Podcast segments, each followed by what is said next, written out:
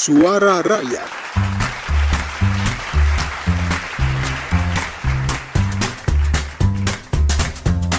DPR RI akan membentuk pansus tenaga honorer untuk mengawal penyelesaian masalah tenaga honorer yang menurut data Menpan RB jumlahnya mencapai 2.100.000 lebih sampai pendataan bulan September lalu. Bagaimana mengurai persoalan tenaga honorer ini dan pendapat masyarakat terhadap pembentukan pansus tenaga honorer? Mari kita dengarkan suara rakyat berikut ini. Saya Rustam, pengemudi Bluebird, tinggal di Pondok Terong, Citayam, Depok.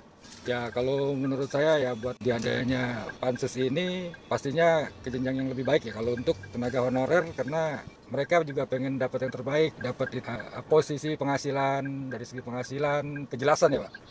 Kan mereka juga nggak mengharapin semuanya selamanya jadi tenaga honorer, pasti pengennya punya kedudukan tetap, penghasilan tetap. Yang jelas buat ke depannya yang lebih baik lagi kan gitu ya Pak. Kalau untuk pansusnya saya dukung. Gitu. Nama saya Abdi Maulana, petugas lapangan Dinas Perhubungan. Seperti ini sudah banyak ya dari Pemda, khususnya di Pemda DKI ya, sudah banyak dan bagus lah. Saya sangat setuju dengan diadakannya wacana P3K itu sebagai honorer kan harus dipertimbangkan juga nasib ke depannya ya. Sangat setuju lah intinya, sangat mendukung. Saya Ade Ismanto, bertugas sebagai petugas penanganan lalu lintas atau PJLP dari Dinas Perhubungan.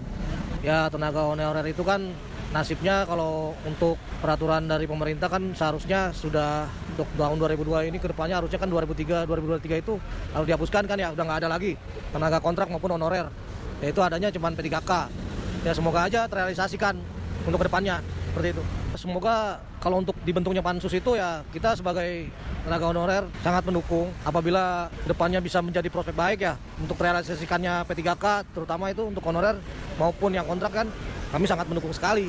Semoga bisa menjadi jembatan kami untuk bisa menyampaikan semuanya juga ke depannya bisa terrealisasikan lah. Ya, sangat mendukung sekali.